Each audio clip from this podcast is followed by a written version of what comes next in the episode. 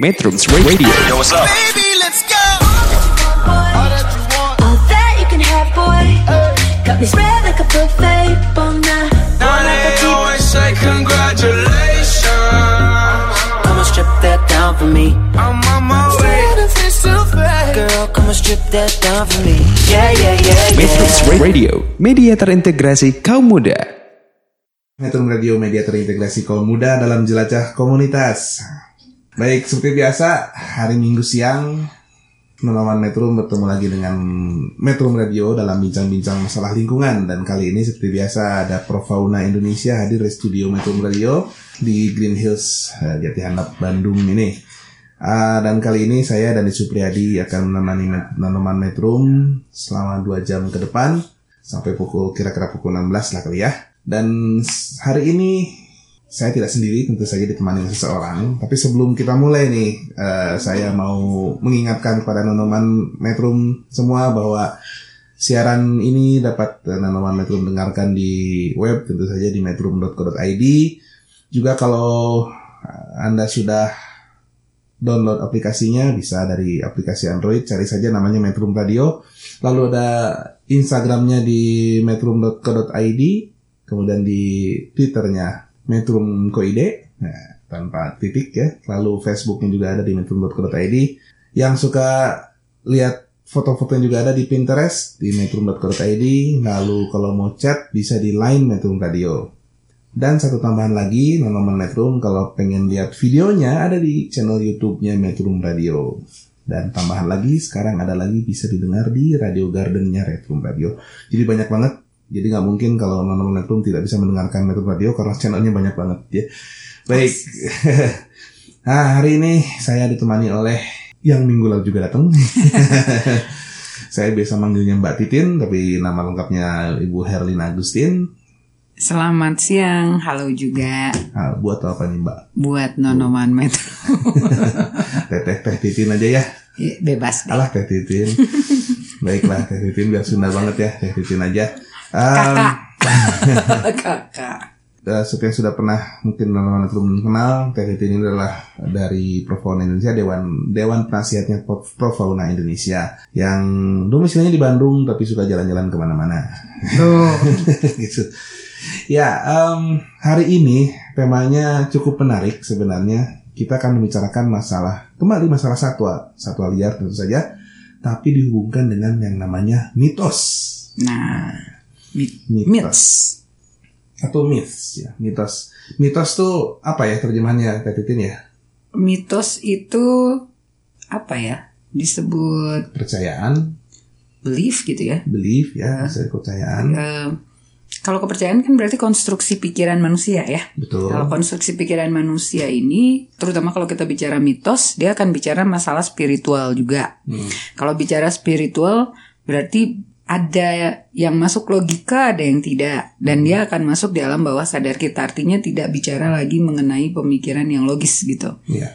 Dan biasanya langsung dipercaya aja sebagai sesuatu yang benar, padahal belum tentu secara eh, kenyataannya belum tentu begitu. Itu biasanya mitos itu muncul dari dari mana ya? Dari dulunya lo kayak gimana? dari kayaknya sih kayaknya ya mitos itu dibuat karena dia konstruksi manusia atau uh, buatan manusia itu bisa dibuat dengan sengaja ataupun tidak sengaja berdasarkan pengalaman atau berdasarkan wisdom ya wisdom itu apa ya itu kebijakan. kebijakan ya Iya. nah jadi kalau uh, kita dengar uh, jangan nas eh kalau makan nasi harus dihabiskan. Kalau tidak habis nanti nasinya nangis. Itu. Atau yang yang paling dikenal di Bandung di Sunda tuh apa? Jangan duduk di depan pintu. pawang panto, ah, Nah, di, di nanti- ambang pintu. nanti apa? Jauh jodoh Jauh apa jodoh nah katanya. gitu. Dia kayak mitos semacam itu gitu. Dan em, itu kan kita juga nggak tahu siapa yang pertama kali bikin ya. Iya, iya. gitu. Dan itu eh, kemudian di disampaikan secara turun temurun plus gaya gaya menyampaikannya itu loh rada-rada meyakinkan gitu dengan sedikit menakut-nakuti gitu. Hmm. Nah, itu. jangan keluar kalau maghrib nanti ada kalong wewe nah Kayak gitu. akhirnya nggak pada berani aja keluar maghrib Iya. maghrib itu padahal kan biar diem aja di rumah gitu ya kali Iya. ya gitu. Satu mitos yang sampai sekarang saya masih takut untuk mengerjakannya adalah jangan makan pisang pinggirnya. Nah, jadi kan ada pisang tuh eh, satu apa namanya satu satu, satu apa sisir ya, Mm-mm. satu sisir. Nah, yang paling pinggir kiri dan kanan itu yang paling gede biasanya. Nah itu nggak boleh. Nah, dari dulu ini nggak boleh kata orang tua katanya itu Iya. istilahnya pamali. Nah, Ah. ada istilah pamali. Betul. Sebenarnya pamali ini sebenarnya artinya apa ya? Ya, kalau kita Eh, jelaskan dalam bahasa pamali Indonesia. itu berarti sesuatu yang tidak boleh dilanggar, gitu ya. Mm-mm. Kalau tidak boleh dilanggar berarti Atau dia tabu ya, tabu. Tabu berarti kalau kita melanggar itu akan mendapatkan sanksi. sanksi sesuatu ke apa ya, keburukan atau Nah, apa. tapi kalau kita nggak tahu bahwa itu pamali mah nggak apa-apa ya. Dan saya mah nggak merasa pamali. Jadi saya makan pisang pinggirnya, weh, no gampang gitu. Nggak apa-apa sih sebenarnya Iya, gitu. iya. Padahal intinya adalah jangan sampai orang tua kita kehabisan bagian pisang yang paling enak. Nah, gitu. anak-anaknya paling boleh. gede gitu ya. Cuma masalah sampai sekarang saya nggak nggak berani. Atau jangan pakai baju hijau di pantai Pangandaran atau pantai selatan. pantai selatan Iya, iya, gitu. iya. Mm. Kalau tergantung hijaunya apakah hijau army, Iya. hijau pupus, hijau daun. atau hijau kamuflase ya belang-belang gitu ya nah ini berkaitan dengan mitos ini dan pamali tadi dan betapa beberapa hal yang diungkapkan pada saat kita masih kecil ternyata membekas sampai kita dewasa Hmm. ini ternyata tidak hanya dalam masalah kebiasaan saja dalam masalah makanan masalah pakaian tapi juga ternyata berlangsung juga atau berlaku juga untuk eh, sikap kita terhadap lingkungan Betul. terhadap baik tam- kepada tanaman maupun pada satwa. Mm-mm. Betul teh ya? Betul banget. Betul banget. Ya, salah satu yang mungkin mungkin teman-teman Metro pernah dengar nih istilah kalau ada suara burung wiwik Nah, atau kedasi di ya. atau di di, di Sunda itu disebutnya Cung cuing. eh, tuncuing ya, si tuncuing. Nah, si tuncuing nah itu namanya yang suaranya khas wik wik wik wik wik wik wik wik wik wik wik ya kayak begitu lah. Ah, hmm. itu semua orang pasti tahu itu tandanya katanya ada orang yang akan meninggal. akan meninggal atau sedang meninggal atau Mm-mm. dalam waktu dekat akan meninggal gitu ya di lingkungan dekat si burung tersebut berbunyi. Nah itu entah benar atau enggak, tapi yang pasti setiap hari pasti ada yang meninggal karena Karena memang sudah nasibnya. sudah nasibnya sudah takdirnya. Tapi apakah itu benar ya? Apanya? Benar. Itu si- kalau si kalau burung wiwik tadi. sebetulnya gini, kalau burung wiwiknya sendiri dibilang adalah burung pembawa maut gitu ya. Hmm. Tapi kalau kita lihat burung uh, kedasi atau wiwik atau uncuing ini, dia tuh sebetulnya disebut pembawa maut karena dia kalau bersarang sebetulnya dia tuh nggak pernah punya sarang. Nggak pernah punya sarang. Jadi dia akan ngambil sarang burung lain, Mhm. telurnya dibuang, satu telurnya itu dibuang, dia akan bertelur di situ. Hmm. Dan si burung lain ini dia akan mengerami telur si burung uncuing.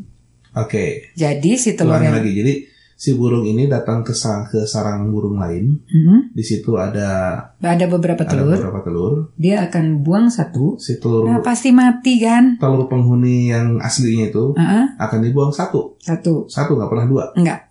Hanya Dia satu. bertelurnya satu. Sisanya akan diarami. Iya, dan dia akan bertelur kan satu di Iya. situ. Ikut dirami oleh si burung yang punya sarang. Kebiasaan yang Gitu. sangat aneh ya. Iya. Dan pastilah dia pembawa maut karena telur yang jatuh itu pasti mati. Mati, ya. Gitu. Tapi tidak ada hubungannya sebenarnya dengan kematian manusia. Manusia. Ya karena sebenarnya itu memang sudah hukum alamnya seperti itu sehingga di dunia ini tidak pernah ada kelebihan populasi burung Betul. itu. Dia sudah dikendalikan Karena- burung tertentu. Misalnya burung layang-layang atau burung kutilang. Ya, Mm. karena dengan adanya mekanisme hidupnya si burung si wik-wik tadi, si tunjuing tadi, justru itu membantu mengatur popula- populasi yang ada di bumi ya. Iya, betul. Nah, itu sebenarnya kebesaran dari yang maha pencipta ya bisa begitu. Ya, dan disebut sebagai burung pembawa maut Nah, dan itu dia. gitu. Ya, ada, padahal nggak ada salahnya tuh ya si burung tuh nggak punya nggak ada salah. nggak punya tapi jadi gitu sama seperti burung gagak gitu kan hitam dia dibu- dia juga disebut sebagai burung eh, mitosnya burung gagak itu kan burung setan Hmm. gitu ya kalau ada burung itu berarti akan ada makhluk halus yang lewat Ya, gitu ya. padahal burung gagak mah ya kata burung gagak emang nasib gue hitam gitu ya gitu. Jadi dia tidak bawa apa-apa. Dengan, dengan suara yang agak memekakan telinga Ya, gitu ya. dan suaranya kan jelek banget eh, ya nggak gitu lah emang serak suaranya ya, di- wah gitu kan ya, wah gitu. Nah, jadi memang suaranya pun serem sebenarnya buat beberapa orang. Tidak Iya. semerdu burung cung cuing gitu. Iya, betul. Dan selain burung cuncing isi tuncuing ini, sebenarnya banyak sekali mitos-mitos lain dan akan kita bahas nanti setelah ini. Eh, namun sebelumnya eh, saya ingin mengingatkan Nonoman Metro untuk yang ingin bertanya atau ingin ikut ngobrol sama kami di sini, silakan hubungi melalui WhatsApp WA di nomor 0856 212 1029. Ya, saya ulangi 0856 212 1029. Nah, silakan kirimkan pertanyaannya atau pendapatnya atau apa pun lah gitu ya. Yang kali ini hari ini sebenarnya temanya khusus tentang mitos yang berhubungan dengan satwa. Nah, kalau Nono Manetrum punya pengalaman yang menarik, silakan ceritakan nanti kita bahas bareng-bareng di sini. Gitu. Baik, kita akan bertemu, akan berbincang lagi dengan Teh Titin dari Profauna Indonesia. Setelah yang satu ini, kita rehat dulu untuk mendengarkan lagu berikut. Oke. Metrums Radio, media terintegrasi kaum muda. Metrum Radio Media terintegrasi kaum muda dalam jelajah komunitas. Ya, masih bersama Profauna Indonesia di studio Metrum Radio ini. Uh, bersama saya Dandi Supriyadi yang akan menemani Nonoman Metrum sampai pukul 16 nanti. Dalam seperti biasanya kita punya eh, acara bincang-bincang masalah lingkungan bersama Profauna. Dan di depan saya ini masih ada juga si Teteh ini. Teh Titin masih ada di sini. Iya. Ah, sebelum kita lanjutkan nih, Teh Titin dikit aja nih. Siapa tahu ada Nonoman Metrum yang baru mendengar. Udah sekian lama baru hari ini mendengar ya. Mm-mm. Profauna itu apa sih katanya? Eh, Profauna itu lembaga lembaga swadaya masyarakat yang ke yang sangat peduli dan concern pada masalah pelestarian satwa di habitatnya, terutama satwa satwa-satwa yang dilindungi oleh hukum, baik itu hukum eh, Indonesia secara nasional maupun hukum yang juga diberlakukan secara internasional seperti hukum yang sudah ditetapkan oleh CITES Ya, atau eh, IUCN. oke. Iya, jadi Profauna ini tapi tidak hanya fauna ya yang pro-nya ya. Yang pro, ya Kita apa Profauna itu nggak nggak cuma pro sama fauna, faunanya, tapi tapi, juga habitatnya juga. habitatnya ya. Yaitu umumnya di hutan. Forest ah, di hutan. Ya, karena untuk melawan Metrum yang baru mendengarkan hari ini, Profauna ini sebenarnya juga singkatan dari Protecting Forest, and Fauna. Dan markas besarnya di mana bu? Eh teh? Jadi bukan tuh. Begini Pak, markas besarnya, headquarternya ada di Malang, Mhm. tapi kita punya beberapa representatif atau em, Perwakilan ya. perwakilan ah, di berbagai provinsi termasuk di Jawa Barat. Oke. Ya, dan yang di Jawa Barat ini namanya representatif. Ya, Tapi ada juga yang namanya chapter ya. Chapter. Chapter itu biasanya, Biasanya apa lebih ke kota, iya. Di dalam kota saja ya, bukan perwakilan secara provinsi. provinsi. Oke, jadi demikian teman-teman Metrum yang masih penasaran sama apa itu Profauna, ya begitulah ceritanya. Profauna itu adalah sebuah lembaga organisasi eh, lembaga organisasi ya? Organisasi uh, swadaya masyarakat dan non pemerintah Hmm. yang kemudian dia peduli banget sama pelestarian satwa di habitatnya hmm, gitu ya sebentar, ya. begitu jadi eh, ya memang kegiatan profauna itu banyak Eh, ada edukasi ada investigasi ada kampanye. Kemudian kita juga bisa melakukan eh, kritik gitu. Kita mengawasi apa yang terjadi di masyarakat di media eh, termasuk juga dalam hal perburuan. Karena kan kalau kita bicara soal satwa dilindungi undang-undang Ya, berarti satwa tersebut tidak boleh diburu tidak boleh diperdagangkan tidak boleh dipelihara tidak boleh dikonsumsi gitu. Iya. Nah konsumsi bicara mitos lagi ya betul karena hari ini ya mengingatkan lagi pada teman-teman Metrum kita sedang bicara tentang masalah mitos. Eh, mitos yang berhubungan dengan eh, lingkungan terutama satwa ya. Eh, dan untuk teman-teman Metrum yang ingin berinteraksi dengan kami silakan melalui WhatsApp di nomor 0856 212 1029. Sekali lagi 08 0856 212 1029 silakan dan kirim saja mau pengalamannya, mau pertanyaannya atau mau apa pun yang berhubungan sama mitos dan satwa kita akan bahas sama-sama di sini. Dan ini kebetulan sudah ada yang masuk satu nih. Eh, ya, coba kita lihat. Ini dari oh namanya aneh. Sorry bukan aneh, lucu, unik. namanya Coco. Nah, ini Ah. nama asli itu bukan ya, cocok. Yang saya selalu ini cowok apa cewek ini? cocok ini. Cowok atau cowek? Tapi kayaknya cowok karena cowok. Kalau Cowok. cewek jadi. Cece. Cici. Saya panggil aja nih eh, Cocok ya, Cocok di Marga Cinta. Ini mau nanya katanya nih tentang mitos-mitos yang ada tentang satwa. Salah satunya tokek. Nah, Ah, iya. ngomongin tokek nih. Tokek ini apa kalau bahasa Inggrisnya? Gecko ya. Gecko. Ya, Gecko. betul. Saya nggak tahu nih, namanya lebih mirip tokek atau gecko dengan suaranya ya. Suaranya kayak gimana sih? Kayak gecko ya mulai. Gecko. Ah, ah, ya. gitu. Atau Sebenarnya tapi bisa juga disebut Oke. tokek terserah, tergantung pelafalan dan, dan persepsi dan dan bahasa setempat. kekuatan kuping. Nah itu dia. Ya, katanya ini eh, cocok ini nanya tentang tokek. Mm-mm. Kan ada yang bilang katanya kalau bunyinya ganjil berarti ada makhluk halus yang bersarang. Nah, makhluk halus yang bersarang itu apa ya? Ganjil itu seperti apa ya? Maksudnya bunyinya ganjil tuh Ganjil aneh misalnya- atau jumlahnya Atau jumlahnya ganjil. ganjil. Bisa aja kan sikapnya ganjil. tokek bersikap ganjil. Nah, bagaimana kalau yang memelihara atau yang menjual? Kan setiap tokek pasti bunyi tuh katanya nggak Mm-mm. mungkin nggak mungkin eh, diem aja. Nah itu gimana? Apakah eh, pertama kita bahas dulu nih mengenai masalah suara toke dan mitos mengenai masalah Jumlahnya. makhluk halus atau jumlah ya. Mm. Eh, ada yang bilang seperti ini, toke juga seperti- katanya adalah bisa digunakan untuk meramal keberuntungan. Ya, oke. Ya kan? Jadi eh, ketika taruhlah orang sedang apa namanya mau pasang undian, nah dia tunggu dulu suara tokeknya. Ada berapa Ada gitu. berapa jumlah? Terus diambil untuk ujung nomor gitu ya. Kayak gitu katanya, katanya sih seperti itu. Atau juga orang yang katanya eh, patah hati, eh, Nah. kata kayak kayak yang apa gitu. Forget me not ya atau bunga apa tuh yang kalau diambil helayannya tuh Iya, heeh. ya ya tidak. tidak, ya tidak gitu ya. Oh, jadi toke kalau juga dihitung bunyinya. Eh, oh. Berapa kali bilang toke, Nah. toke. toke ya toke dua tidak toke ya eh, toke ah enggak jadi Cuman agak agak sulit menghitungnya kalau tokenya gegap kayak di rumah saya. kok bisa toke Gegap. gagap Iya, jadi suaranya gini, toke, toke, tok tok tok tok tok tok tok Nah, tok. kan. Oke, itu berapa hitungannya saya ngerti. Nah, itu nggak tahu artinya apa.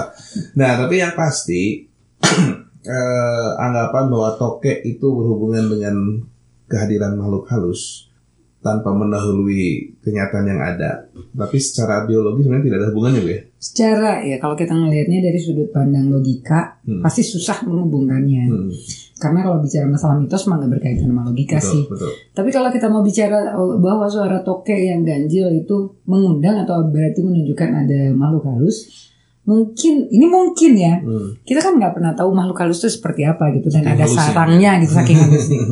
Tapi kan dia sensitif.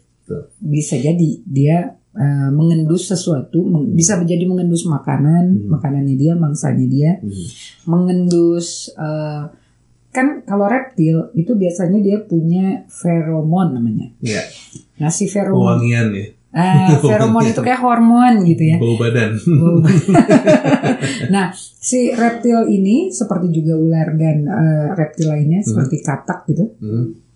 dia akan eh, merasakan pasangannya itu justru dari feromon yang tadi yang tadi itu yang dia keluarkan lewat lidahnya tuh. Hmm. Nah, kalau tokeknya bunyi, barangkali juga dia mencari pasangan, Nah, itu dia. bukan masalah mencari bukan mencari makhluk halus Iya. gitu, tapi mencari pasangan. Betul.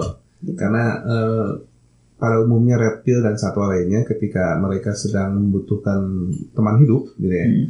Mereka kan mengeluarkan kode, sinyal-sinyal ya. Mm-mm. Ada yang kalau burung merak misalnya dia yang cowoknya mengembangkan ekornya.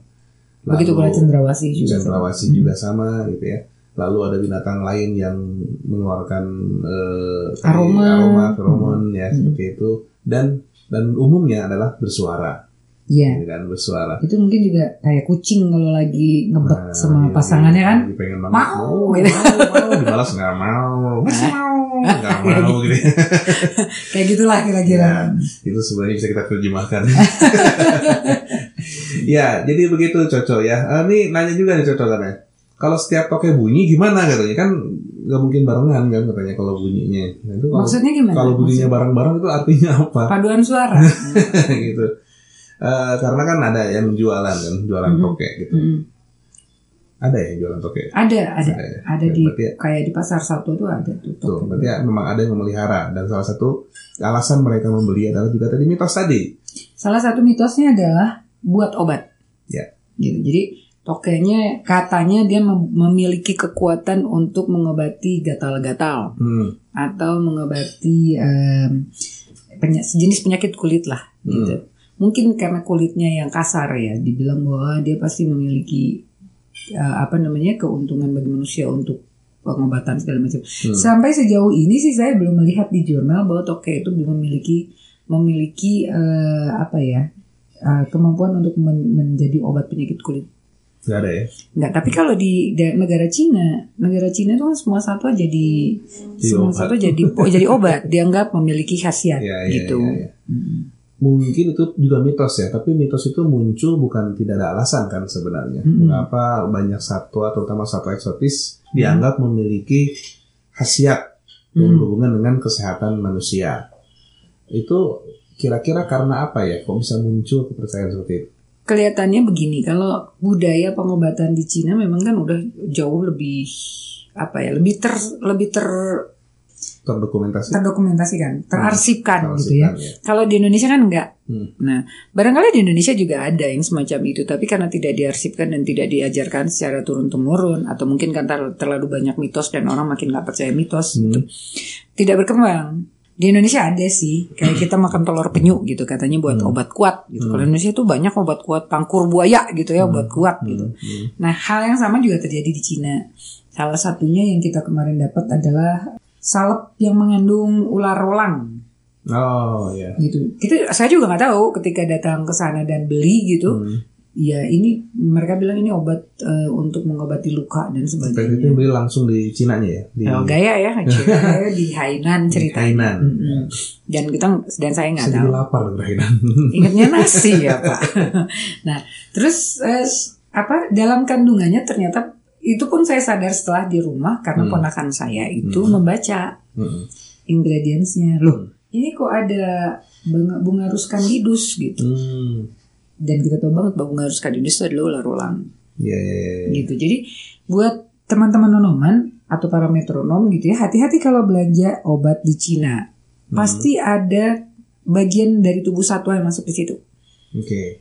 Gitu. Karena eh, Cina itu luar biasa sekali sama seperti daerah Asia daratan lain. Misalnya Vietnam gitu ya, Vietnam, Kamboja, Thailand bahkan. Dia punya arak yang yang di dalam arak itu dipakai eh, rendaman ular. Hmm. Baik itu ular berbisa maupun menengah, berbisa menengah, high Iya. venom ataupun Iya. middle venom. Ya. Dan katanya ya khasiatnya itu buat obat kuat gitu. Jadi saya menemukan satu tong Hmm. isinya arak dan di dalamnya itu kok king cobra. Eh, apanya? Dan itu- Bisanya atau Enggak enggak. Ya Atau- se- penuh seutuh, oh seular-ularnya? seular Direndam di situ? Direndam di situ. Kan mengerikan gitu ya. gitu. Apakah kemudian menjadi obat kuat buat orang? Nah, saya tidak pernah bertanya juga gitu dan saya Iya. tidak ingin membuktikannya juga Iya, gitu ya. iya, iya, iya. Tapi mereka percaya bahwa obat eh, ular yang direndam di dalam arak itu araknya akan mengandung eh, Hmm. kekuatan untuk menjadi menjadi ya tadi obat kuat tadi. Hmm. Gitu. Kuat apa? Pertanyaannya adalah ap- kuat apanya nah, gitu. buat apanya itu? Yang pasti berhubungan dengan masalah fisik manusia ya. Fisik Untuk manusia. melakukan sesuatu. Bapak sopan sekali. ya, teman-teman Metro eh, bagi anda yang memiliki pengalaman yang juga serupa mungkin pernah menemukan eh, sesuatu yang dijual di luar yang katanya kata penjualnya punya khasiat dan ternyata ada kandungan satwa di situ silakan berbagi pengalaman dengan kami di sini di 0856 212 1029 dan sebelumnya kami ingatkan juga bagi anda yang mencari alternatif lain untuk mendengarkan eh, siaran dari Metro Radio ini anda bisa mendengarkan di webnya Metrum yaitu di metrum.co.id. Ada juga di aplikasi Androidnya silahkan diinstal. Carinya namanya, nah, namanya Metrum Radio. Lalu ada Instagramnya di metrum.co.id, ada Twitternya di metrum.co.id tanpa titik ya. Dan ada Facebooknya di metrum.co.id dan bahkan ada Pinterestnya di metrum.co.id. Nonoman juga bisa melihat videonya di YouTube di Metrum Radio, channel Metrum Radio, dan mendengarkan siaran streamingnya di Radio Garden. tentu saja namanya Metro Radio. Bukan radio lain. Begitu, silakan berinteraksi dengan kami. nah, Teh Titin, tadi sempat keluar pernyataan bahwa hati-hati untuk membeli obat di luar, terutama dari Cina, karena kemungkinan besar ada satuannya di dalam, Mhm. ada bahan di satuannya. Iya. Mengapa kita mesti hati-hati? Pertama, satwa yang masuk di situ kita nggak tahu satuannya apa. Betul. Gitu ya. Eh, bisa jadi itu satwa yang biasa apa eh, burung atau ya kalau kaldu ayam mah biasa gitu ya. Hmm, kaldu ayam. atau kaldu tokek gitu nggak tahu juga.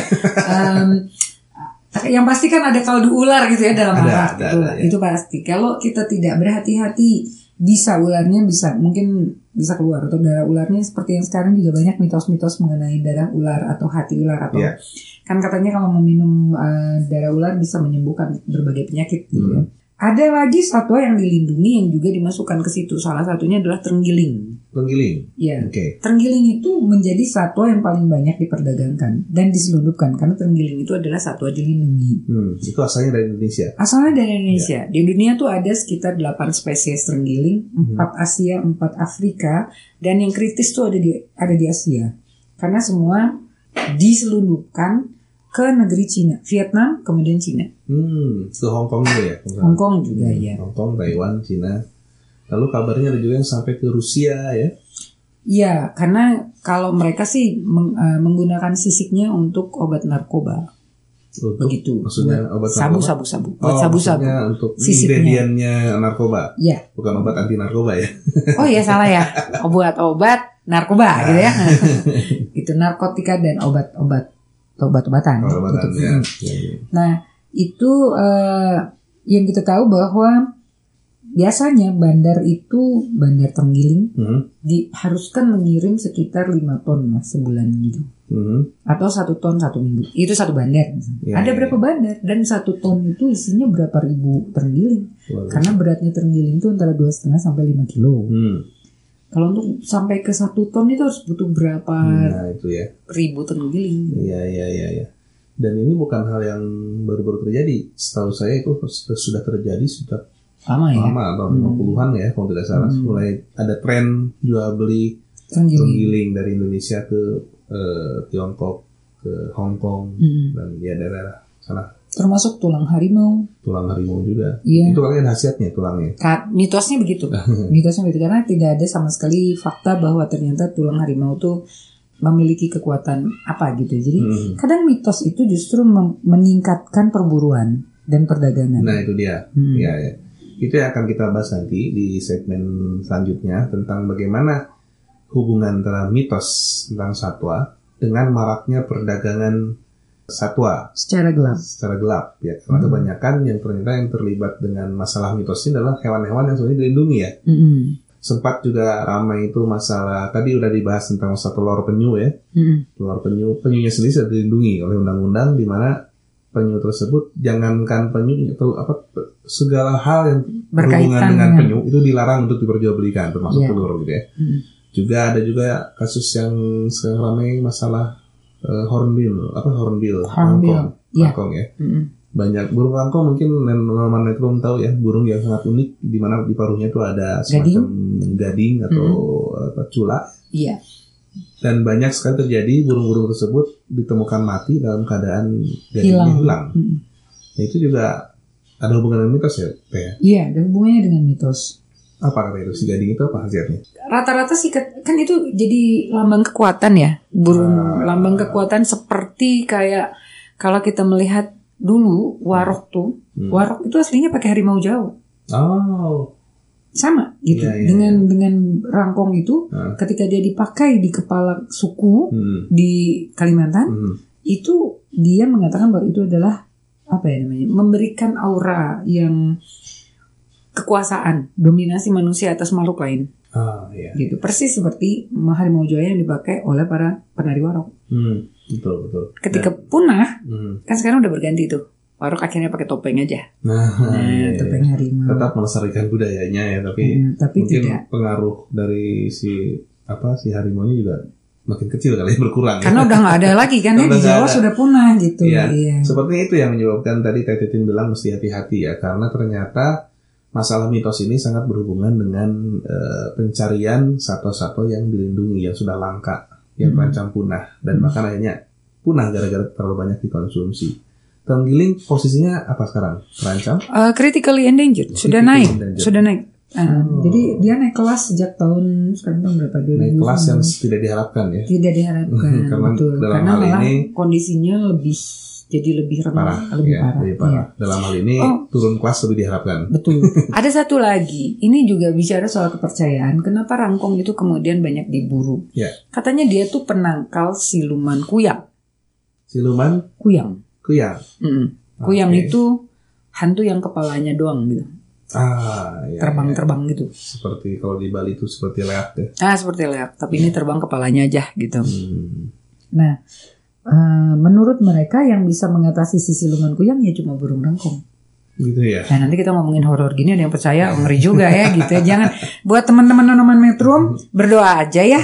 Gitu. Jadi jangan pakai burung rangkong nanti burung rangkongnya semakin habis gitu. Nah, itu dia. Ya karena kita perlu sekali punya upaya yang sangat keras untuk menyelamatkan mereka. Karena Iya. seperti yang selalu diucapkan oleh Prof Fauna setiap si- si- siaran di sini adalah bahwa setiap satwa liar itu memiliki fungsi Mm-mm. di alam. Betul. Sehingga apabila dihilangkan fung- eh, satwanya, maka dia akan menghilangkan salah satu fungsi di dalam alam sehingga akan terjadi ketidakseimbangan. Mm-mm. Dan yang rugi adalah Manusianya manusia juga lagi. Nah, gitu. itu dia. Ya. Jadi kan bayangkan kalau sekarang burung rangkong Hmm. satu rumah punya satu untuk penangkal bala katanya Hmm. kolak bala. Hmm. Jadi ada berapa ribu rumah di Kalimantan yang harus punya rangkong gitu. Nah itu dia. Satu aja nggak boleh nih banyak. Ini banyak Itu banget dia. gitu. Mm-mm. Ya, makanya eh Nonoman Metro sekaligus eh, kami juga menghimbau kepada eh, pendengar Metro Radio ini untuk ikut juga dalam upaya menyelamatkan satwa-satwa tersebut karena sekali lagi mereka tuh punya manfaat loh buat kita juga. Iya, betul sekali. Ya, oke kita akan teruskan perbincangan kita tentang masalah mitos dan perdagangan satwa setelah yang satu ini. Metrums Radio, media terintegrasi kaum muda. Metro Radio, media terintegrasi kaum muda dalam jelajah komunitas.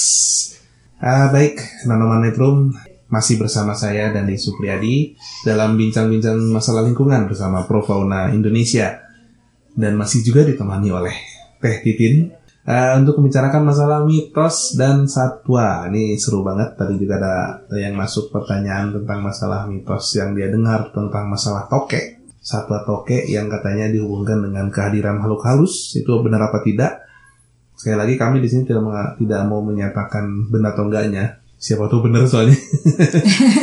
Tapi yang pasti eh, dalam hubungannya dengan eh, pelestarian satwa, ternyata mitos ini ada hubungannya, terutama dengan masalah permintaan manusia untuk memelihara atau mengkonsumsi Iya, Satwa-satwa berburu tersebut. satwa ya, memiliki gitu. Iya, Mm-mm. karena ada mitos-mitos tertentu. Akibatnya terjadilah perdagangan-perdagangan ilegal karena banyak di antara satwa yang memiliki mitos itu ternyata adalah satwa-satwa yang dilindungi.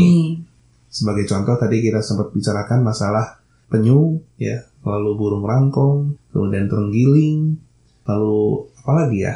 Monyet-monyet itu ya, Primata, iya. primata ya. Kalau dulu ada mitos bahkan sampai dibuat filmnya. Hmm. Eh, kalau kita ingin menolak bala atau Hmm. mencari atau kalau nggak menolak bala atau justru mendatangkan rezeki gitu ya atau Hmm. em, ingin intinya adalah ingin ingin keuntungan dari sesuatu Hmm. harus punya tangan monyet Tangan, cakar. cakar monyet. Ya, ya, ya. Nah itu dulu sudah dibuat filmnya juga bahkan gitu. Hmm, hmm.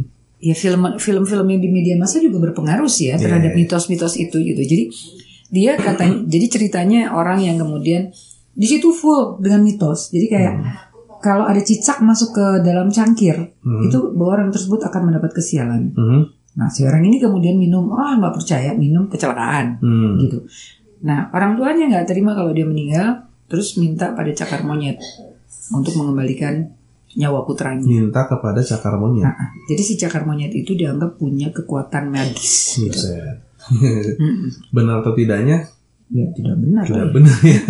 Hmm. ya karena banyak sekali dari eh, masyarakat yang masih masih percaya dengan dengan eh, kepercayaan-kepercayaan tradisional itu memiliki keyakinan penuh bahwa akan khasiat tersebut karena mungkin dihubung-hubungkan ya dengan dengan eh, kejadian yang menimpa mereka gitu. Mm-mm. Eh, Iya betul. Sehingga semakin besarlah kepercayaan mereka bahwa ternyata mitosnya benar. Iya. Ya. Dan itu juga jadi tantangan bagi para pelestari eh, satwa dilindungi karena ternyata demand atau permintaan terhadap satwa-satwa tersebut selalu tinggi ya. Iya betul. Karena kepercayaan tadi, gitu. Jadi Iya.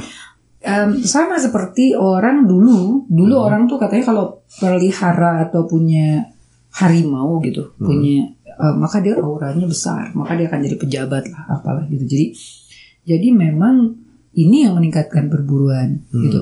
Bahkan jangankan seperti itu, kalau punya satwa yang garang gitu, seolah-olah dia kan punya derajat lebih tinggi di masyarakat. Hmm. Nah, itu juga memicu perdagangan.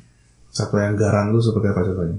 King cobra misalnya, King kalau di dunia reptil ya. Ya, ya. Kalau di dunia eh, satwa dilindungi, harimau, Hmm. yang sekarang tertinggal hanyalah tinggal harimau Sumatera. Gitu. Hmm, hmm. Kemudian elang, Ya. nah burung hantu jenis tertentu Hmm. gitu, yang juga dilindungi, Hmm. seperti ketupat ketupu. Hmm. Eh, Tapi ketua ketua tidak tampak garang ya. garang. Kalau dia memang juga salah satunya dipicu oleh film Harry Ah. Potter itu kan juga membuat perburuan eh, burung hantu itu jadi tinggi, Hmm. gitu. Hmm. Iya iya iya. Ini menarik teman-teman eh, Metrum eh, betapa yang namanya informasi yang lewat media massa, film atau bahkan media sosial banyaknya ya. Kemudian mempengaruhi eh, orang-orang untuk tambah percaya dengan mitos tersebut Hmm. dan tambah ingin untuk memelihara binatang-binatang yang sebenarnya tidak boleh diperjualbelikan. Baik, eh, sekali lagi kepada teman-teman Metrum yang ingin berinteraksi dengan kami, silahkan melalui WhatsApp di 0856 212 1029, 0856 212 1029. Silakan Anda kalau memiliki pengalaman atau pertanyaan atau masalah yang nggak jelas tentang masalah satwa yang berhubungan dengan mitos, silakan saja dikirimkan pesannya, nanti kita bahas sama-sama. Ini ada satu nih yang masuk. Nah, coba kita lihat. Ah, ini katanya dari Oci. Ya, Oci di Ciwastra. Masih Bandung nih ya, belum ada yang dari luar negeri nih. Biasanya sekarang luar negeri nih. Hmm. Baik, Oci di Ciwastra eh, tertarik dengan masalah perdagangan satwa ini katanya. Jadi membicarakan tentang perdagangan satwa, bagaimana cara pemerintah Indonesia mengatasi perdagangan satwa bebas? Eh, sorry, perdagangan satwa yang bebas tadi katanya. Hmm. Jadi mungkin perdagangan satwa yang terlihat satu sepertinya bebas, kayak kayak kurang ada perhatian hukum gitu ya. Hmm. Nah itu eh, ada informasi nggak nih Titin tentang bagaimana caranya pemerintah Indonesia mengatasi masalah perdagangan yang kok kayaknya bebas banget? Gitu. Iya. Kalau kita lihat sekarang em, ada beberapa pasar hewan gitu. Uh, pasar hewan ini bisa secara fisik, bisa secara online. Hmm. Kalau pasar hewan secara fisik mungkin jarang ya eh, pemerintah melihat. Kadang-kadang ya kan kalau kita lihat yang berkaitan dengan satwa dilindungi itu BKSDA. Hmm. BKSDA bisa sidak, bisa juga mendapat laporan. Ya Balai Konservasi Sumber Balai Daya Konservasi Alam Sumber Daya Alam dan Ekosistemnya. Ekosistemnya betul. Hmm. Mereka punya bagian atau divisi yang juga berkaitan dengan perdagangan satwa. Hmm. Nah, kadang mereka juga sidak ke pasar atau dia melakukan tindakan hukum berdasarkan laporan or- laporan, Laporan. masyarakat. Iya, Ya, iya, Jadi iya. masyarakat kalau menemukan satwa yang dilindungi di pasar secara fisik lapor aja Hmm. gitu. Hmm. Uh, masalahnya ini jadi berat karena kadang ada oknum-oknum tertentu yang kemudian juga menjadi backup dari Hmm. pasar ini Mhm. gitu. Uh, hal yang lain adalah um, di dunia maya. Hmm. Di dunia maya ini juga banyak yang jualan um, Nah. satwa dilindungi ya. Nah, salah satunya jualan elang Hmm. atau jual uh, buaya. Buaya itu semua Buaya, ya. dilindungi ya. Semua dilindungi ya, Bu. semua jenis buaya kita punya empat spesies, empat empatnya juga dilindungi. Hmm. Jadi jangan percaya kalau ah ini mah buaya nggak apa-apa nggak dilindungi karena banyak juga di dalam dunia reptilan pemelihara reptil yang juga piara buaya. Hmm. Tuh. Mereka nyebutnya poros Poros. dari Crocodylus porosus. Hmm. Gitu. Nah buaya muara Kurang ya. itu bukan cuma dilindungi tapi juga gawa ganas dan bisa membahayakan manusia. Sebenarnya ganas ya. Mm-mm. Eh, bu- poros itu memang kelihatan moncongnya cukup panjang ya. Dan giginya nggak rapi Giginya ya. nggak rapi. Nah, itu yang mem- membedakan buaya sama membedakan buaya sama aligator gitu ya. Yeah. Itu dari dari susunan gigi Nah, alligator tuh punya perawatan gigi khusus. yang ya. lebih rapi gitu. Sementara kalau krokodil itu giginya naik turun seperti gigi saya. gitu. Ini yang teman-teman Metro yang penasaran sama giginya Teh Titin ya silakan Lihat nanti gigi krokodil. atau bisa juga cek di YouTube-nya Metro Radio siapa tahu ada ya. cari aja nanti yang ada hubungannya dengan Teh Titin nah cari di, di YouTube tersebut. Ya karena juga ingin mengingatkan bahwa selain di webnya metro.id eh, teman-teman Metro juga bisa mendengarkan siaran ini di aplikasi Android eh, Metro Radio juga bisa cari infonya di Instagram metro.id di Twitter juga ada di metro.id juga di Facebooknya metro.id Mm. selain dari YouTube ya. Nah, itu jadi bagi teman-teman Metro yang ingin tahu masalah apa yang sedang kita bicarakan sekarang atau pengen tahu eh, siaran yang sudah pernah ada minggu lalu, nah, di sana ada informasinya. Gitu. Ini sedikit lagi pertanyaan dari Oci tadi. Eh, dan Oci belum tidur nih ya masih dengarkan. Apakah satwa satwa yang punah itu juga akibat dari perdagangan satwa? Ya betul. Nah, Betul, betul, betul. Hasil penelitiannya Perfauna menunjukkan begitu. mhm. Semakin tinggi satwa yang diburu, maka semakin eh, semakin tinggi juga tingkat potensi kepunahan dari satwa tersebut. Hmm. Salah satunya eh, yang paling banyak tuh burung. burung ya. Burung. Oke. Nah, burung itu kan juga eh, banyak mitosnya ya Hmm. dari burung yang tadi berbagai eh, berbagai mitos tadi diburu lah dia. Ter- selain juga kemudian dilombakan secara suaranya Nah, itu. menarik. Akibatnya eh, mereka ngambil burung di alam Ah. gitu dengan saking, berbagai saking cara. tingginya demand dari uh, dari orang- peminat ya, dari peminatnya peminatnya. banyak, Hmm. maka supply juga jadi bertambah. Hmm. Gitu. Hal lain adalah eh, ini yang saya sedang khawatir tuh perdagangan ular green tree python atau ular sanca hijau dari Papua. Ah, iya, itu yang endemiknya Papua. Endemiknya Papua. Dia sedemikian cakepnya, Mhm. jadi banyak diselundupkan. Walaupun em, ada beberapa pengekspor satwa dari Indonesia yang kirim ke luar negeri, Mhm. mereka bilang bahwa itu adalah hasil penangkaran. Hmm. Tapi penelitian yang dilakukan di tahun 2011-2012 itu Mhm. menunjukkan bahwa mereka tuh jadi mencampurkan yang diburu dari alam Mhm. dengan hasil penangkaran karena tingginya peminat tadi. Oh, Dan iya. itu diekspornya secara global. hasil penangkaran tidak sebanyak itu sebenarnya. Tidak sebanyak Tapi itu betul karena ada penangkarannya ya. ada, tapi kan lama membu- membuat eh, ular green tree, green tree python itu Hmm. katakanlah dia sampai 3 meter itu butuh beberapa tahun. Hmm, padahal yang diminati orang itu yang udah gede ya. Ya udah gede karena kan dia lebih lambat ya.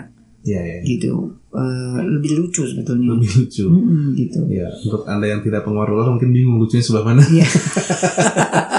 Tapi benar loh teman-teman Metrum ya kalau anda mulai mengamati ular, seperti halnya saya sekarang sudah mulai mengamati ular, di balik kengerian melihat mitosnya yang katanya ular itu adalah Mengerak- mengerikan mengerikan, suka membunuh manusia, itu secara fisik sebenarnya itu indah banget ya. Iya. Fisiknya berwarna-warni dan kalau kena matahari Kena atau kena cahaya bisa seperti pelangi bisa berubah gitu. warna, Hmm. gitu ya, mengkilat dan sebagainya. Dan so- setiap secara reguler mereka tuh berganti kulit ya Mm-mm. untuk tetap mempertahankan kilauannya itu.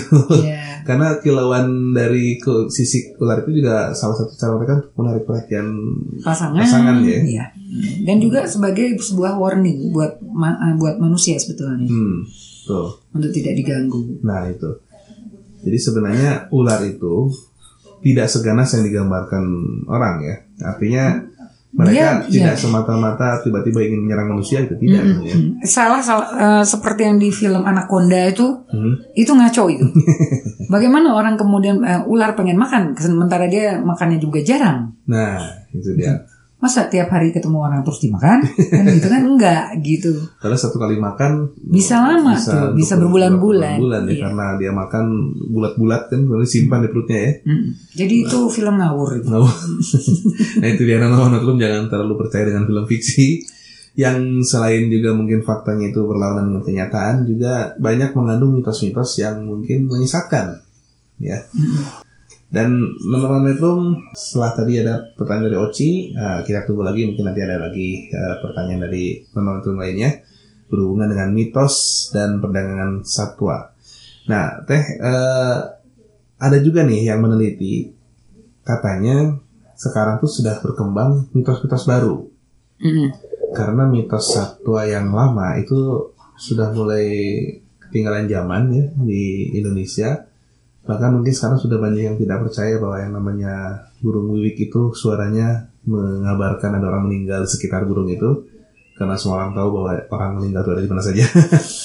Gitu dan kapan saja pasti ada yang meninggal. Eh, sekarang untuk meningkatkan perdagangannya meningkatkan penghasilannya para para pedagang satwa itu kemudian menciptakan mitos baru. Mm-mm. katanya begitu. Mm-mm. itu pernah katanya. Iya, jadi gini, gini, ketika dia menciptakan mitos baru kan kembalinya ke dominasi manusia atas Ya. atas makhluk lain ya. Betul. Jadi kayak dibilang satwa liar itu bisa dijinakan. Nah, Maka dia pakai istilah burung elang ini jitot. nah, Ah, jinak total. jinak total. Artinya dia bisa dilatih ini, dilatih itu. Hmm, betul. Saya ingin ngasih kasus saja untuk eh, dunia reptil yang sekarang saya saya banyak berkecimpung di dalamnya ya. Hmm. Baru-baru ini beberapa sekitar seminggu yang lalu lah Hmm. ada korban yang kemudian meninggal karena dililit piton. Hmm. Piton piaraannya katanya, Piaranya sendiri. piaraannya sendiri. Dia kasih makan, dia besarkan. Mm-mm. Hmm. Dan kemudian dibelit sampai meninggal. Oh, Artinya satwa liar itu tidak pernah bisa dijinakan. I see. Yang pernah yang bisa dilakukan adalah tetap berhati-hati karena dia sudah terbiasa dengan kehadiran manusia. Ya, ya, ya. Tapi Gitu. bukan berarti bahwa naluri liarnya hilang. Betul, betul. Kalau sampai naluri liarnya hilang, itu berarti kita yang salah. Hmm. Karena satwa liar harus tetap liar Ya, ya, ya. supaya fungsinya tetap. Betul, Gitu. betul, betul.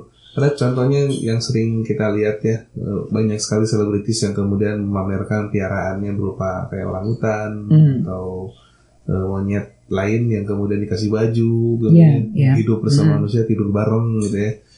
Itu tampak lucu dan mereka tampak jinak. Hmm. Nah, sudah asar rupanya.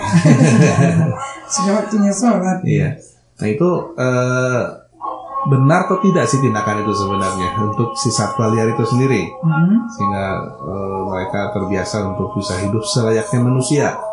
Sebenarnya nggak bisa gitu karena sebetulnya kalau kita lihat em, man- eh, pada dasarnya si satwa liar ini dia memang tidak apa ya kalau kita bilang mau didomestikasi itu susah gitu Hmm. binatang yang selama ini didomestikasi misalnya ya sapi gitu Hmm. atau anjing, Anjing, kucing. Hmm. itu sudah berabad-abad Hmm. gitu kalau sekarang kita ingin mendomestikasi lu musang Hmm. kan tampaknya lucu ya musang Iya, itu lucu banget. Hmm. Nah, masalahnya adalah dia tetap liar. Dia hanya pada saat dia kecil dia memang bisa nurut gitu. Hmm. Semakin besar kan peliharaannya semakin kerasa juga, Nah, semakin itu keluar gitu. Hmm. Dia ingin eksplorasi, dia ingin range-nya tuh jauh gitu, range uh, pergerakannya dia jauh. Jadi saya cuma mau mengingatkan kalau kita piara dari alam diambil ke rumah gitu, dia akan mengakibatkan uh, satu ketidakseimbangan ekosistem. Ya. Salah satunya adalah kasus uh, gigitan ular tanah di Banten. Hmm. Uh, ular tanah di Banten tuh overpopulasi. Overpopulasi ya, dia Betul. terlalu banyak. Artinya terlalu banyak ular tanah dan dia high venom atau berbisa sangat tinggi. Oh gitu ya. Lebih besar mana bisanya dengan kobra king kobra? Hmm, bedanya adalah kalau uh, ular tanah itu neurotoksin. Hmm. Kalau kobra itu hemotoksin. Artinya? Artinya kalau ular tanah dia menyerang saraf. Hmm. Kalau kobra dia menyerang darah. Oh gitu. Oke, Gitu. oke. Tapi dia memang apa namanya? eh, bisanya ya hampir sama mematikan juga. Kalau udah high venom dia potensi mematikannya pasti Ya, ya, ada. ya. Ini kenapa dia kemudian menjadi overpopulasi? Hmm. Asumsi saya adalah dan ini perlu pembuktian dan saya sih hampir yakin itu benar. Predatornya kan sudah tidak ada, itu pasti. Nah, itu dia. Predatornya adalah Elang dan musang. Hmm. Karena banyak diambil orang untuk diperjualbelikan sebagai binatang peliharaan. Betul, Iya. Betul. Dan akhirnya secara secara alamiah dia nggak Hmm. punya nggak punya apa namanya nggak punya pengendali. Ya, itu dia masalahnya. ya. Mm-mm. Pernah ada kasus seperti itu juga, mungkin PTT bisa mengingatkan di mana tempatnya ketika untuk memberantas tikus, Oh iya. kemudian betul. diimporlah ular, ular, tanah Ular dari tanah Jawa. dari Jawa ke Iya, ke Kalimantan. Kalimantan. Hmm. Padahal ular tanah itu tidak ada di Kalimantan. Tidak ada aslinya. Aslinya tidak ada Karena Kalimantan. juga tidak ada predatornya kan di sana. Betul. Predatornya ular tanah nggak ada. Nggak ada. Ini ada orang yang tidak mengerti kemudian mengimpor. Hmm, karena banyak transmigran kan di Iya, sana. Kemudian karena bawa dengan upaya untuk menghilangkan tikus. tikus. Padahal si ular tanah itu di sana tidak ada pengendali populasinya. Betul. Akhirnya overpopulasi juga. ya. Overpopulasi dan dimakan sama manusia sana. itu dia. Akhirnya ya balik lagi ke situ. Iya, jadi akhirnya manusianya yang jadi predatornya kan, Hmm. gitu. Tapi sampai sekarang sih belum ada penelitian ya apa akibat dari makan ular tanah gitu Hmm. kepada tubuh manusia gitu. Mungkin ya nggak apa-apa juga. Belum ada penelitian ya sampai sekarang. Iya, iya, iya. Tapi ya sekali lagi walaupun itu overpopulasi, ketika banyak dikonsumsi bisa hilang juga dan kemudian Betul, betul. merusak keseimbangan ekosistem juga. Benar dan memang sudah berbahaya karena ular tanah di sana mu- mutasi gen Oh, yang di Kalimantan di. Kalimantan. mutasi gen jadi seperti Warnanya menjadi marun. Wah, keren sebenarnya. Sebagai Sementara kalau di aslinya kan di habitat aslinya di Jawa dia warnanya coklat. coklat ya, coklat ya. Seperti warna bambu. Kan kamuflase. Iya, iya, iya, iya. iya. Nah itu mutasi gen tidak hanya terjadi untuk perubahan warna saja, tapi juga bisa perubahan perilaku ya, Betul. perubahan eh, Uh, ukuran, komposisi fisik juga atau fisik, mm, dan gitu. mungkin membuat menjadi tidak tidak membuat keseimbangan jadi lebih baik sebenarnya, Betul. bisa jadi mem- memberikan masalah baru nantinya. Betul. Nah itu ada mitos apa lagi nih yang baru diciptakan oleh para pedagang agar eh, jualannya laku. Mm. Terutama kalau kita ambil contoh masalah apa ya em, mitos yang terjadi untuk burung lah. Ini monyet. Oh monyet. Oke. Mereka menyebut makaka itu monyet pantai. Makaka itu monyet pantai. Iya, dan lucu bisa jadi teman. Iya ya. Makaka itu eh, monyet ekor panjang yang sering kita lihat dijadikan Eh, topeng monyet. topeng ya. monyet, Topeng betul. monyet di jalanan ya. Mm-mm, mm-mm. Nah, mereka menyebutnya monyet pantai atau monpan gitu. Iya, monpan. Monpan. Kenapa disebut seperti itu? Karena kalau monyet eh, nggak tahu apakah kemudian monyetnya suka bersantai di pantai gitu ya. Mantai gitu. Eh, tapi itu dipakai untuk mengubah perilaku monyet tadi. Seolah-olah kalau monyet pantai itu sejenis lutung lah gitu, Hmm. yang banyak di rawa-rawa itu apa gitu. Dan itu lucu dan lebih jinak ketimbang monyet ekor panjang lainnya. Hmm. Padahal sama aja, gitu sama Hmm. aja. Hmm. Disebut monyet eh, monyet pantai itu ya sama aja, gitu. Ada lagi ini mitos yang sangat terkenal di kalangan para pedagang primata itu Hmm. adalah golden monkey. Oh iya, betul betul betul. Apa betul. itu? Eh, itu adalah mon lutung ya. Lutung. Lutung. Lutung biasanya hitam Mhm. dan katanya kalau golden monkey itu kan membawa keberuntungan ya karena golden gitu. Kan Hmm. sun gokong juga kan warnanya emas ya sun gokong. jadi monyet emas itu jadi suatu hal yang sangat menarik gitu. Mhm. Karena jarang kata mereka jarang ya. Jarang. Padahal itu adalah proses perubahan warna dari anak lutung nanti juga gedenya hitam. Hmm. Tuh, jadi lutung itu atau traki, Trachypithecus auratus itu kalau kecil dia memang warnanya kuning. Kuning. Seperti emas. Hmm. Rata-rata seperti itu. Iya. Ada beberapa ekor yang memang sampai besar tetap emas ada ya.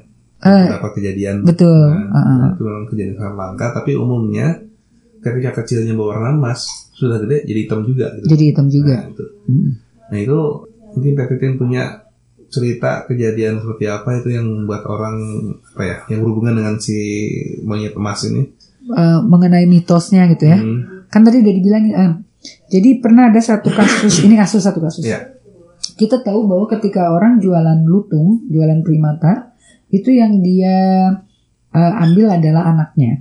Ya. Ibunya kan dibunuh ya. Hmm, Jadi si anak ini dalam kondisi kesakitan dan eh, sedih dan harus butuh perlakuan Pelukan ibunya. pelukan ibunya betul kasih sayang ibunya gitu diambil kan nah ada satu orang yang kemudian dia cerita nih di di di di eh, blognya dia hmm, dia cerita bahwa dia pernah piara anak lutung tadi. Hmm, karena memang kelihatannya emas dan lucu dan jinak dan Ya. dan dia bisa dipeluk-peluk. Hmm, tapi tiap malam nangis.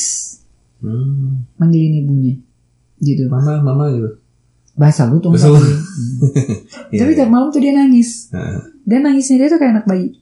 Sama ya. hampir kayak anak bayi gitu. Jadi akhirnya kan mengganggu si pemilik. Betul. karena mengganggu ditaruhlah di luar Hmm, Kena angin sakit si bayi lutung Hmm. itu. Dan dia hanya bertahan satu minggu. satu minggu aduh, sian banget ya. Dan Dengan- dia masih berwarna emas saat itu ya. Dan dia masih berwarna emas. Hmm. Dan sejak saat itu dia bilang saya berhenti memelihara satwa. Membe- membe- eh, saya berhenti memelihara satwa liar. Karena ternyata oh gila ya per- perasaan itu Iya. di Kena apa, di, banget. di, di- Kena apa namanya eh, dianalogikan dengan kehidupan manusia Hmm. bagaimana seorang seorang anak mencari orang tuanya itu Hmm. perih banget ya. Iya. Ngeri Nah itu tanaman metrum bagi anda yang masih Penasaran gitu. masih masih senang untuk memelihara satwa liar, coba deh pikirin gitu ya. Jadi ketika satwa liar tersebut diambil dari alamnya, dari keluarganya untuk dijadikan peliharaan manusia, itu artinya kita sedang memisahkan satwa tersebut dari keluarganya yang pastinya mereka saling terkait tergantungan ya. Mm-mm. Eh, bahkan kabarnya ketika kita menemukan ada bayi lutung diperjualbelikan, itu dapat dipastikan Orang tuanya itu pasti mati. mati. Iya. Ya, betul gitu ya. Betul, betul. Hmm, Kenapa begitu? Karena eh, seperti juga manusia Hmm, yang akan melindungi anaknya mati-matian, Hmm. begitu pula bayi- eh, begitu juga ibu lutung. ibu lutung ya. Hmm. Jadi tidak mungkin dia akan Melepaskan melepaskan anaknya begitu saja. dipelihara orang Ha-ha. sebelum dia berjuang sampai mati ya. Betul dan itu juga yang terjadi dengan orang hutan. Orang hutan ya. Ha-ha. Hmm. Gitu. Jadi orang Umumnya primata tuh gitu ya. umumnya Hmm. seperti manusia aja kan ya. Karena- Kita berbagi gen juga ya Iya, sama gennya primata. gennya sangat dekat dengan manusia ya. Iya. Mm. Iya, eh, bahkan Teh Titin pernah mengalami melihat ada ini ya, apa? Kukang ya. Hmm, Kukang ya, yang- kukang yang kita selamatkan itu ya. Hmm. Jadi kukang yang jatuh Hmm. karena diganggu anak sekolah Hmm. jatuh. Alhamdulillah gurunya kab- kasih kabar ke kita, kita uh, kita rescue. Hmm. Itu induk kukang masih anaknya masih bergelantungan. Ternyata ada anaknya gitu, Iya, yang di perutnya tuh sedang betul. bergelantung dan dan si induk uang itu mati-matian melindungi anaknya ya Iya. sampai jadi tampak seperti galak ya. Mm-mm. Karena mungkin tanaman metrum tahu seperti apa lucunya kukangnya. Mm-mm. Dia tidak tidak berbakat galak sebenarnya. Iya. Wajahnya imut banget, matanya tuh lucu banget. Tapi ketika dia melindungi anaknya, itu luar biasa strugglingnya ya. Iya. Bahkan untuk memindahkan si lutung itu dari eh, satu kandang ke kandang lainnya itu butuh waktu Oh, lama, lama banget karena, dia nggak mau nggak diganggu. mau. Iya, iya, iya. Mm. Nah seperti itu ya metrum eh, tanaman metrum bahwa eh, jangan dikira satwa itu tidak punya perasaan. Iya, benar. benar. Ternyata perasaan walaupun itu mungkin bentuknya bukan seperti kita yang punya akal budi ya untuk manusia. Mereka perasaannya dipicu oleh yang namanya eh, naluri ya, naluri alami.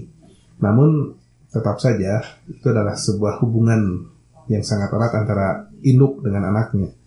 Maka untuk Anda yang tergiur oleh mitos-mitos tertentu untuk memelihara satwa liar, Mm. dipikirkan lagi deh. Karena ternyata mitos-mitos itu tidak jauh dari kebenaran sebenarnya.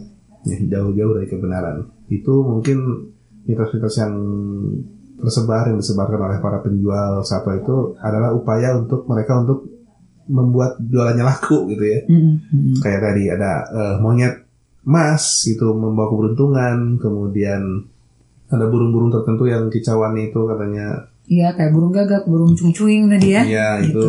Mm. eh, terus ada eh, yang jualan buaya itu karena punya atau buaya atau apa ya. Karena ada mitos bagi yang memelihara binatang eksotis semakin galak semakin tinggi derajatnya di masyarakat. Itu juga sebenarnya hanya mitos. Mm-mm. karena mau galak mau jinak namanya liar itu pasti liar. Gitu ya. pasti Iya. memiliki sifat liar. Dan mereka memang tempatnya di alam liar karena mereka memiliki fungsi di alam liar. Ya, seperti itu. Baik teman-teman metrum kita masih punya beberapa saat lagi untuk berbincang-bincang masalah eh, mitos dan satwa bersama Perfauna Indonesia bersama Teh Titin di sini. Eh, namun sebelumnya sambil mengingatkan jangan sampai kita tergoda untuk berburu satwa liar, mari kita dengarkan lagu berikut ini. Sebelum nanti kita bertemu lagi di segmen berikutnya. Metrums Radio, media terintegrasi kaum muda. Enough. Metrum Radio Media Terintegrasi Kaum Muda dalam Jelajah Komunitas. Nah, teman-teman Metrum, nah ini kita sudah sampai di segmen terakhir nih ya, eh, bersama Profauna Indonesia dalam bincang-bincang kita hari ini mengenai mitos dan satwa ya. Ya. Tadi kita udah bahas tentang bagaimana